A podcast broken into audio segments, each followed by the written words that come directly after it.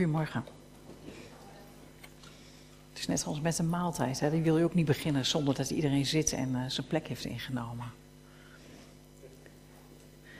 Maar ik zou deze morgen willen beginnen om uit te spreken dat onze hulp is in de naam van de Heer. Die hemel en aarde gemaakt heeft. Die trouw houdt tot een eeuwigheid en die nooit laat varen het werk wat zijn hand begonnen is. En in zijn naam mag ik jullie genade en vrede toebidden. In de naam van onze Heer Jezus Christus. Amen. Ik wil graag twee gedeelten met jullie lezen. Het eerste gedeelte is uit 1 Koningen 19. En het tweede is eigenlijk maar één vers. Uit 2 Timotheus 1, vers 7. Maar laten we beginnen met 1 Koningen 19. Dus als je je Bijbel bij hebt, pak hem erbij. Want je moet nooit zomaar aannemen wat iemand zegt, hè, als die achter een kansel staat, of op een kansel, of achter een dingetje. Maar je moet het altijd checken. 1 Koningen 19, vers 1 tot 9. Het is het verhaal wat uh, gaat over Elia nadat hij met de Baalpriesters de wedstrijd heeft gehad, als ik het even zo mag zeggen. Van welke God is waar?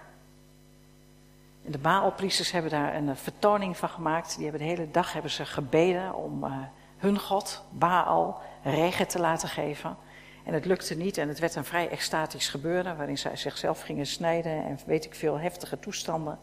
Maar Baal deed niks. Uh, Elia is daar wat spottend bij aanwezig geweest en heeft uiteindelijk één gebed gedaan nadat hij dat offer ook nog helemaal nat heeft laten maken, drie keer. En hij doet een heel simpel gebed en God geeft zo'n enorme vlam dat alles verzinkt. Dus je zou wel kunnen zeggen, dit is het gedeelte wat komt na een enorme overwinning. Koning Agab vertelde aan Izebel, zijn vrouw. Izebel was een trouwe aanhanger van Baal. Alles wat Elia had gedaan. En ook dat hij alle profeten ter dood had gebracht. En toen liet Izebel Elia de volgende boodschap overbrengen. De goden mogen met mij doen wat ze willen, als u morgen, om deze tijd, niet hetzelfde lot ondergaat als mijn priesters. En Elia werd bang. En hij vluchtte om zijn leven te redden. En bij Berseba in Juda aangekomen liet hij zijn knecht achter. En zelf trok hij één dagreis ver de woestijn in. En daar ging hij onder een beremstruik zitten, verlangend naar de dood. En hij zei: Het is genoeg geweest, Heer. Neem mijn leven. Ik ben niet beter dan mijn voorouders. En hij viel onder de bremstruik in slaap. Maar er kwam een engel die hem aanraakte en zei: Word wakker en eet wat. En Elia keek op en hij ontdekte naast zijn hoofd een brood en gloeiende kooltjes gebakken en een kruik water. En nadat hij gegeten en gedronken had, ging hij weer onder de struik liggen. Maar de engel des Heren kwam terug en hij raakte hem opnieuw aan en hij zei: Sta op en eet wat, want anders is de reis te zwaar voor je. En Elia stond op en toen hij had gegeten en gedronken, liep hij, gesterkt door dit voedsel, veertig dagen en veertig nachten lang door de woestijn, tot hij bij de Horeb kwam, de berg van God. En daar ging hij een grot binnen om er de nacht door te brengen. En sommigen van jullie, ik denk de meesten, kennen het verhaal dat hij daarna ook een ontmoeting heeft met God. Maar tot zover uit, uh, uit 1 Koningen 19. De tweede vers staat in 2 Timotheus 1. 2 Timotheus 1, vers 7. En daar schrijft Paulus aan Timotheus, een volgeling van hem. Timotheus is een jonge vent, christelijk opgevoed door zijn moeder, oma, gelovig opgevoed moet ik zeggen. En Paulus geeft hem hier wat liefdevolle vermaningen of bemoedigingen, hoe je het wil noemen. En in 2 Timotheus 1, vers 7 staat: God heeft ons geen geest van angst gegeven, maar een geest van kracht, van liefde en zelfbeheersing. Dus schaam je niet voor je geloof in de Heer, maar wees bereid om voor het goede nieuws te lijden. En God geeft je daarvoor de kracht. Laten we even bidden. Ja, Heere God, dank u wel voor uw woord. Dank u wel dat we u al hebben mogen lofprijzen vanmorgen. Dank u wel dat u hebben uitgenodigd. Dank u wel voor de dingen die we hebben gezongen. Dat is nogal wat. Dat we hebben gevraagd aan u om alles wat u wilt te doen met ons leven, dat dat maar mag. En als we het dan gaan hebben over de emotie angst, wilt u dan met uw geest eh, in ons zijn? Want u kent iedereen zo goed die hier zit en staat en, en aanwezig is. En laten zien en aanraken waar bij ons de angst zit, die ons verhindert om voluit voor u te gaan. Hier wilt u maar de spreker zijn. Dank u wel. Amen. Ik wil het met jullie hebben over angst en de rol van angst. Ik wil uh, kijken naar onze menselijke reactie op angst, want die hebben we. En daarna zou ik heel graag de geloofsbril op willen zetten. En dat we dan ook nog het avondmaal mogen vieren samen, dat maakt het eigenlijk nog mooier. Dat geeft ook extra kracht aan dit thema, het brengt het heel dichtbij. Als we, als we de Bijbel lezen met elkaar, dan gaan we ervan uit dat dit het woord van God is. Dat het de brief is van de Schepper God, de Heer van ons leven. En dat hij dat geschreven heeft voor de mensheid in zijn geheel, maar ook voor jou en mij, voor u en mij in het bijzonder. En dat dit het eh, boek is wat een leidraad mag zijn in ons leven. Het is het verhaal van het begin, letterlijk het begin van de wereld. Uh, en alles wat daartussenin zit.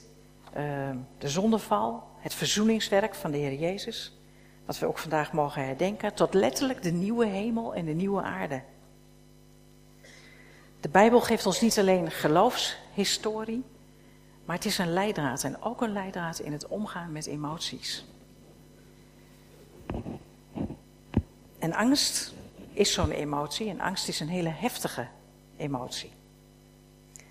Dus ik zou willen beginnen, het is niet mijn bedoeling dat je daar met elkaar over gaat praten, maar dat je voor jezelf even stilstaat en bedenkt, waar ben ik op dit moment bang voor?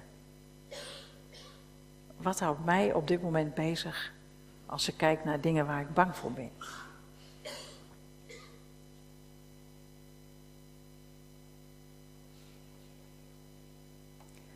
Een, eh, een, bekende Vlaamse hoogleraar, Denise, die zegt hierover: We hebben als mensen, ik ga het niet in het Vlaams zeggen, maar we hebben als mensen het gevoel in een gevaarlijke samenleving te zitten, terwijl dat niet zo is.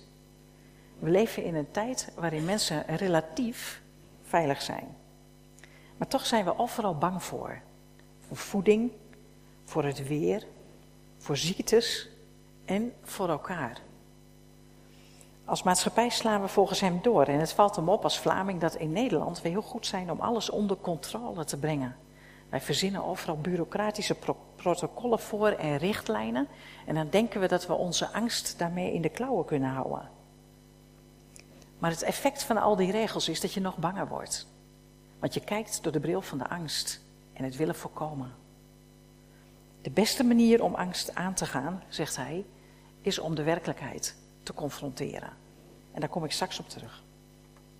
Dus enerzijds proberen wij vaak met een controlesysteem, met checklisten, onze angst in de klauwen te houden. Met allerlei afspraken die we maken en dan kunnen we onze angst daarmee bedwingen. Hebben we dit gedaan, dat gedaan, dit gedaan, dat gedaan? Oké, nou dan hoeven we niet bang meer te zijn, denken we. En anderzijds is angst gewoon markt, mensen. Angst is markt. We worden gestimuleerd door de cosmetische, de voedings, de gezondheidsindustrie om alle oorzaken van angst weg te nemen. Zodat we het gevoel hebben, en het is echt een illusie, dat we ook die zaken onder controle hebben. Even een paar voorbeeldjes, want je hebt ze ondertussen in je hoofd natuurlijk al langs zien komen. De cosmetische industrie speelt in op mijn, op mijn angst om oud te worden. Eh, die smeert mij van alles aan om rimpels en de effecten van de zwaartekracht niet te hoeven beleven. Verzekeringen, sorry Bert, uh, spelen in op onze angst voor rampen. En sommige kerken van vandaag spelen in op de angst voor ziekte en lijden met de evangelie van geluk. En terwijl aan de ene kant de media ons overtuigt hoe angstig we moeten zijn voor alles, proberen we aan de andere kant zelf dan maar een wereld te creëren waarin we de angst zoveel mogelijk uitsluiten. Met de illusie dat we dan grip hebben om alles wat er op ons heen gebeurt. En onze reactie wanneer het dan anders loopt in ons leven dan we hadden verwacht, want we hadden het toch allemaal zo goed gepland, is dan vaak des te heftiger. We hadden alles gedaan wat we menselijkerwijs konden verzinnen aan preventie, maar toch. Want in ons dagelijks leven gebeuren er eigenlijk altijd dingen die we niet hadden verwacht, die we niet hadden gewild, die we niet hadden bedacht en die we niet hadden gepland. Want we hebben het leven niet in de hand. Wat, we hebben onze buurman niet in de hand, onze partner niet en ons eigen gedrag al helemaal niet. Dus die controle, dat sturen, in verband met angst, daar zijn we eigenlijk helemaal niet goed in. We zien dat ook in het verhaal van Elia. Die heeft zojuist de grootste overwinning in zijn carrière gehad. Dat is een profeet een carrière, als ik het dan zo mag zeggen.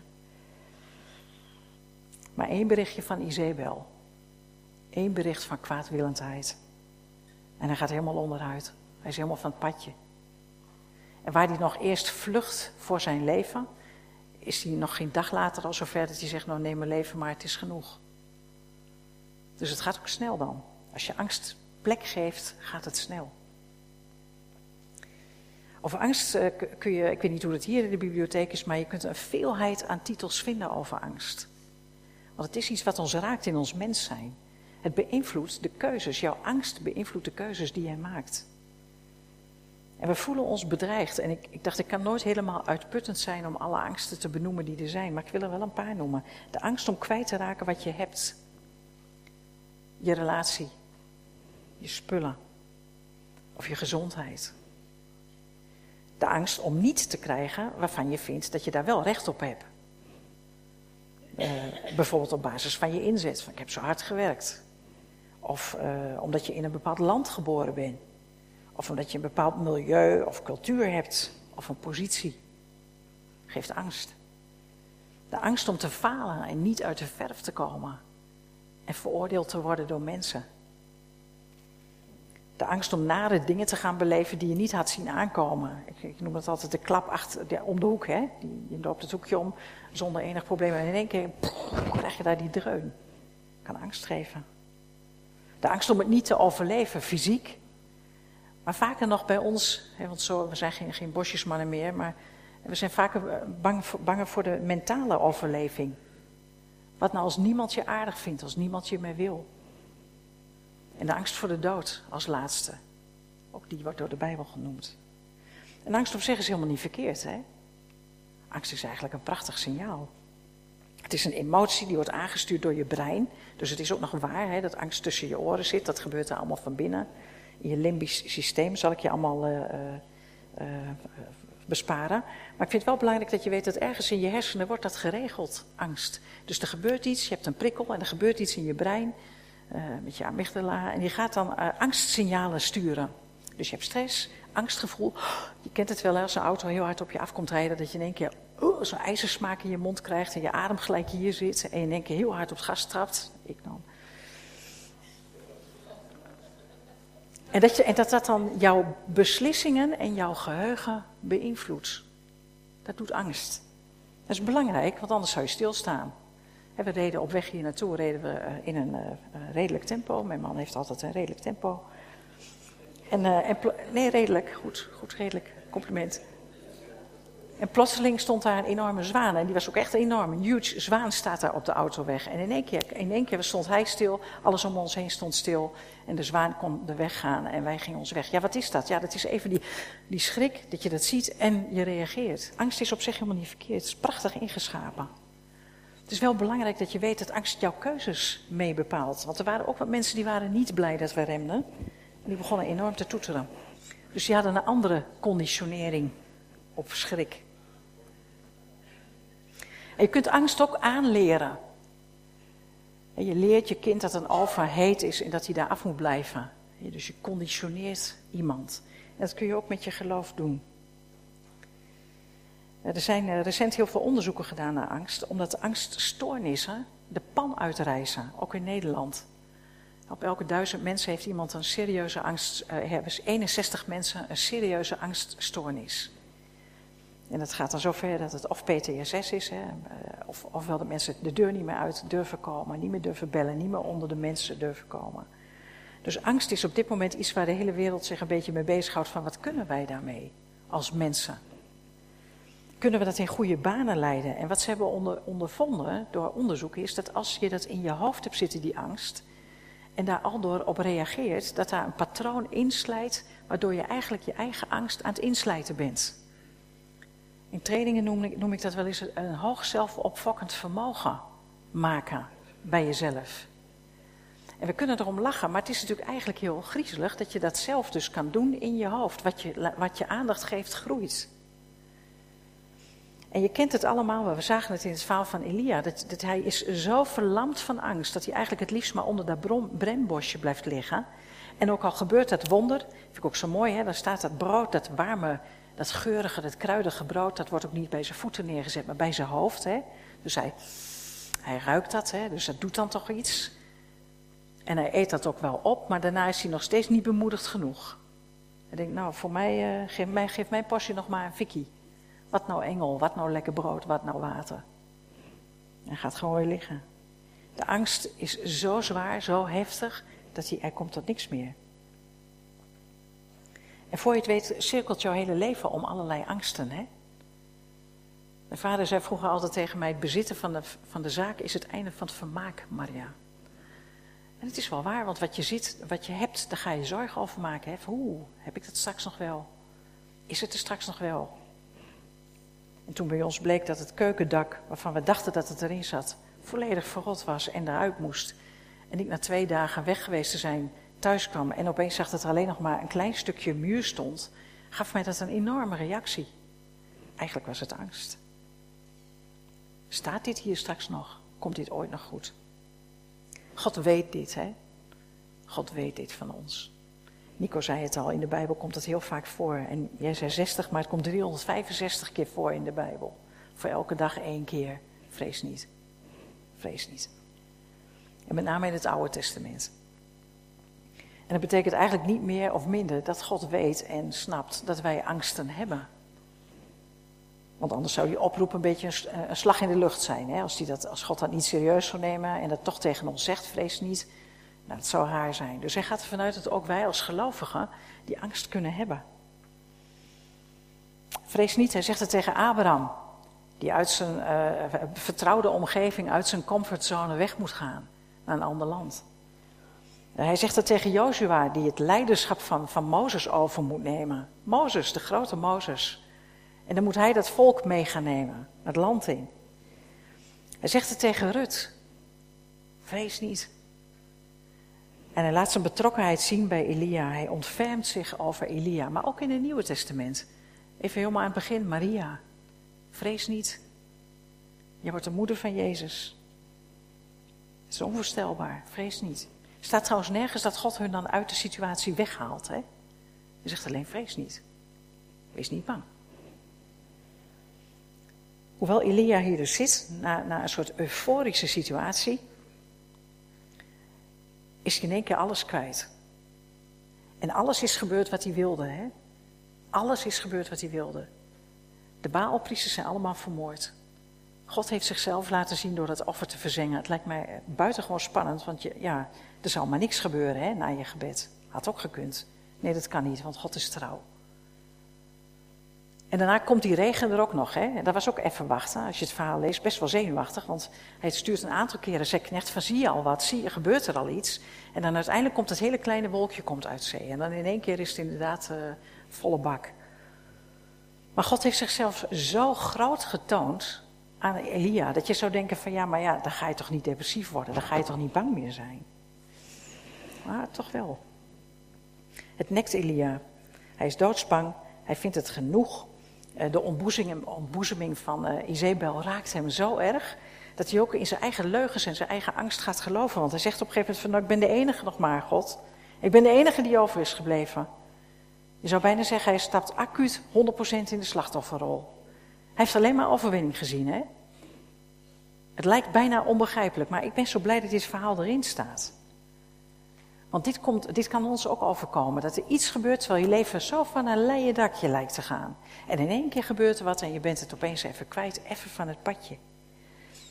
En van God uit geen woord van verwijt. Hij zorgt.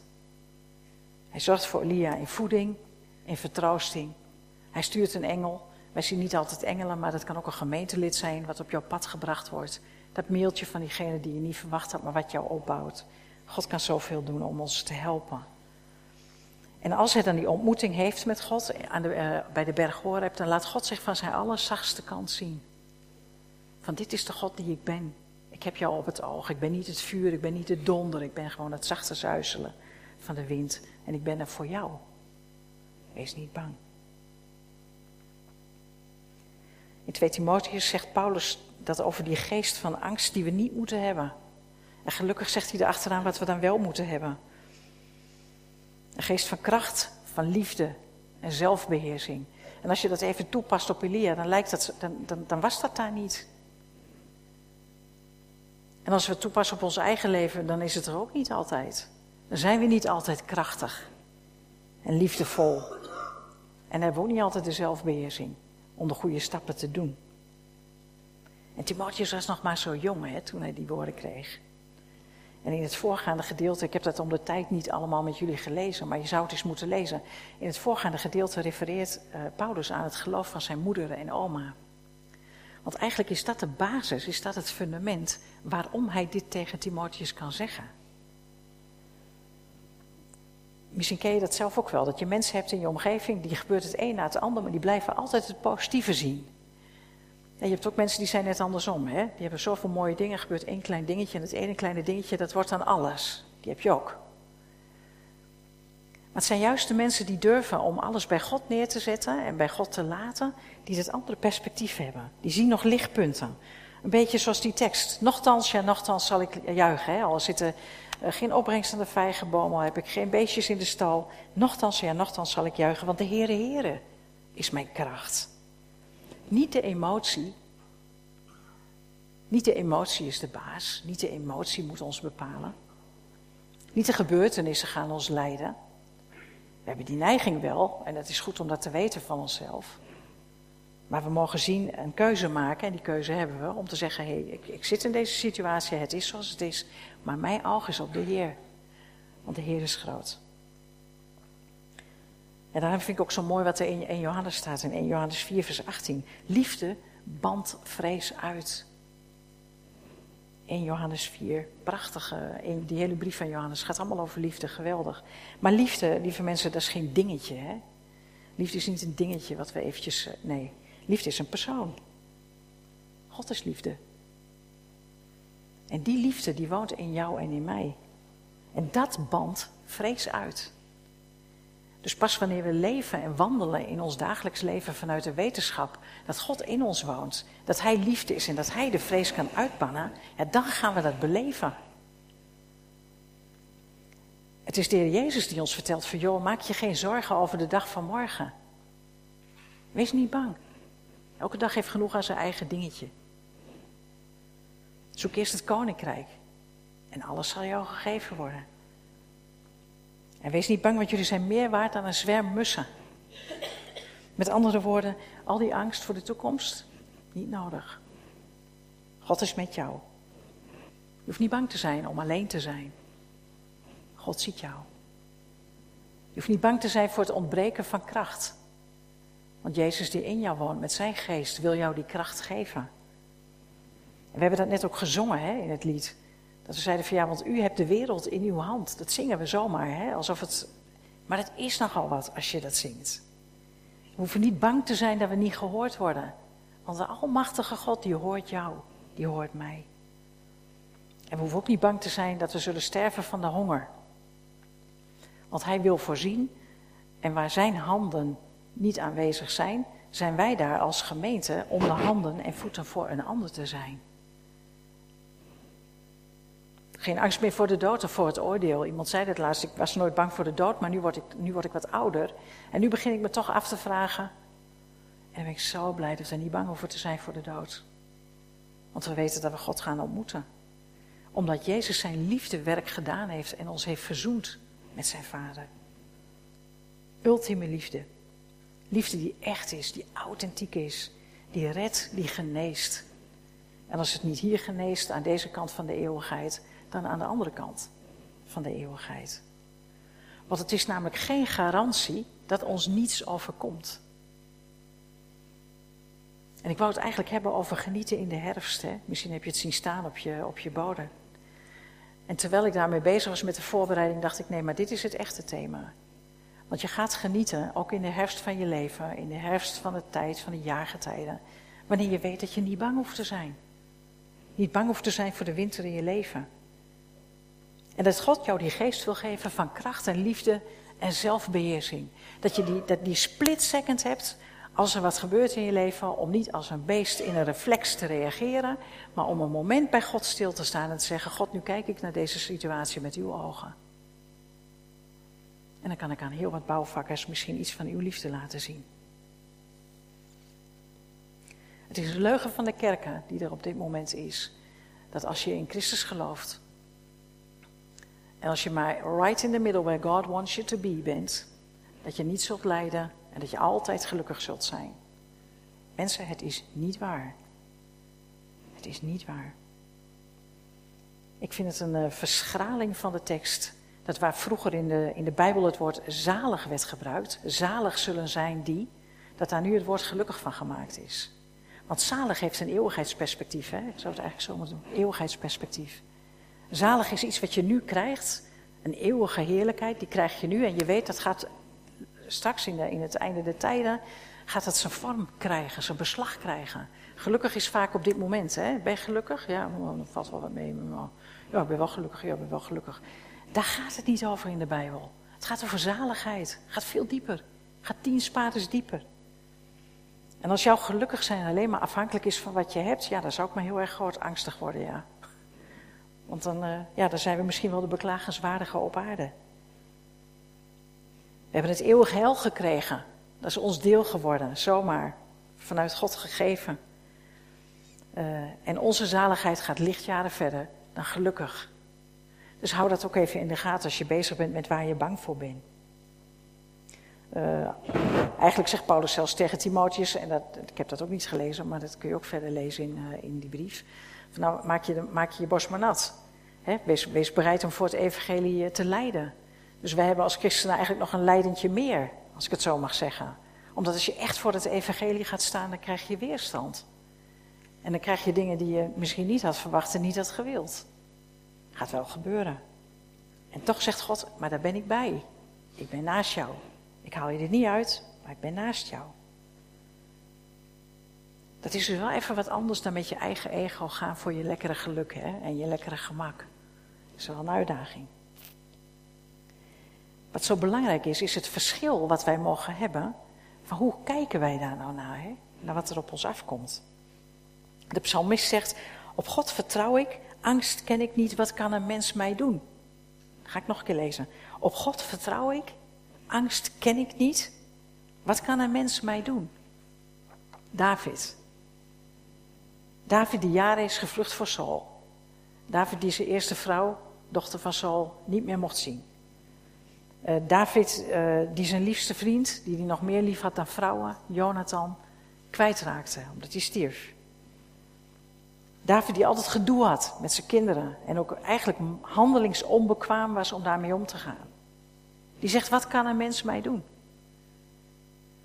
Nou, dan heb je je perspectief toch wel ergens anders op. En dat klopt, want hij had zijn perspectief op God. Niet op zichzelf, hè? Hij wist ook dat hij zelf de tempel niet eens mocht bouwen. Er kleefde gewoon te veel bloed aan zijn handen. Wat kan een mens mij doen? Zijn getuigenis is, God is God, die staat naast mij. Of zoals hij het zo mooi zegt in Psalm 139. Hè? Psalm is achter mij, onder mij, boven mij. Overal, God omgeeft mij van achter en van voren. Dat is de wetenschap die je hebt. En kun je dan niet vallen? Hebben we net ook gezongen. Ik zal niet vallen. Nou, ik denk dat we wel eens vallen hoor. Ik ben wel eens gevallen. Maar je staat weer op, omdat je op God, het perspectief op God hebt. Je blijft niet liggen. Denk aan Job die alles kwijtraakte. Wat een absurd verhaal in de Bijbel. Alles kwijtraakte. Zijn kinderen, zijn rijkdom, zijn vrouw.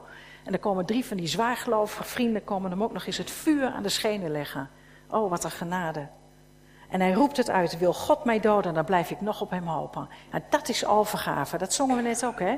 Alles, alles mag u hebben, Heer. Nou, als dat waar is, weet wat je zingt, jongens. Al wil God mij doden, ik blijf op hem hopen.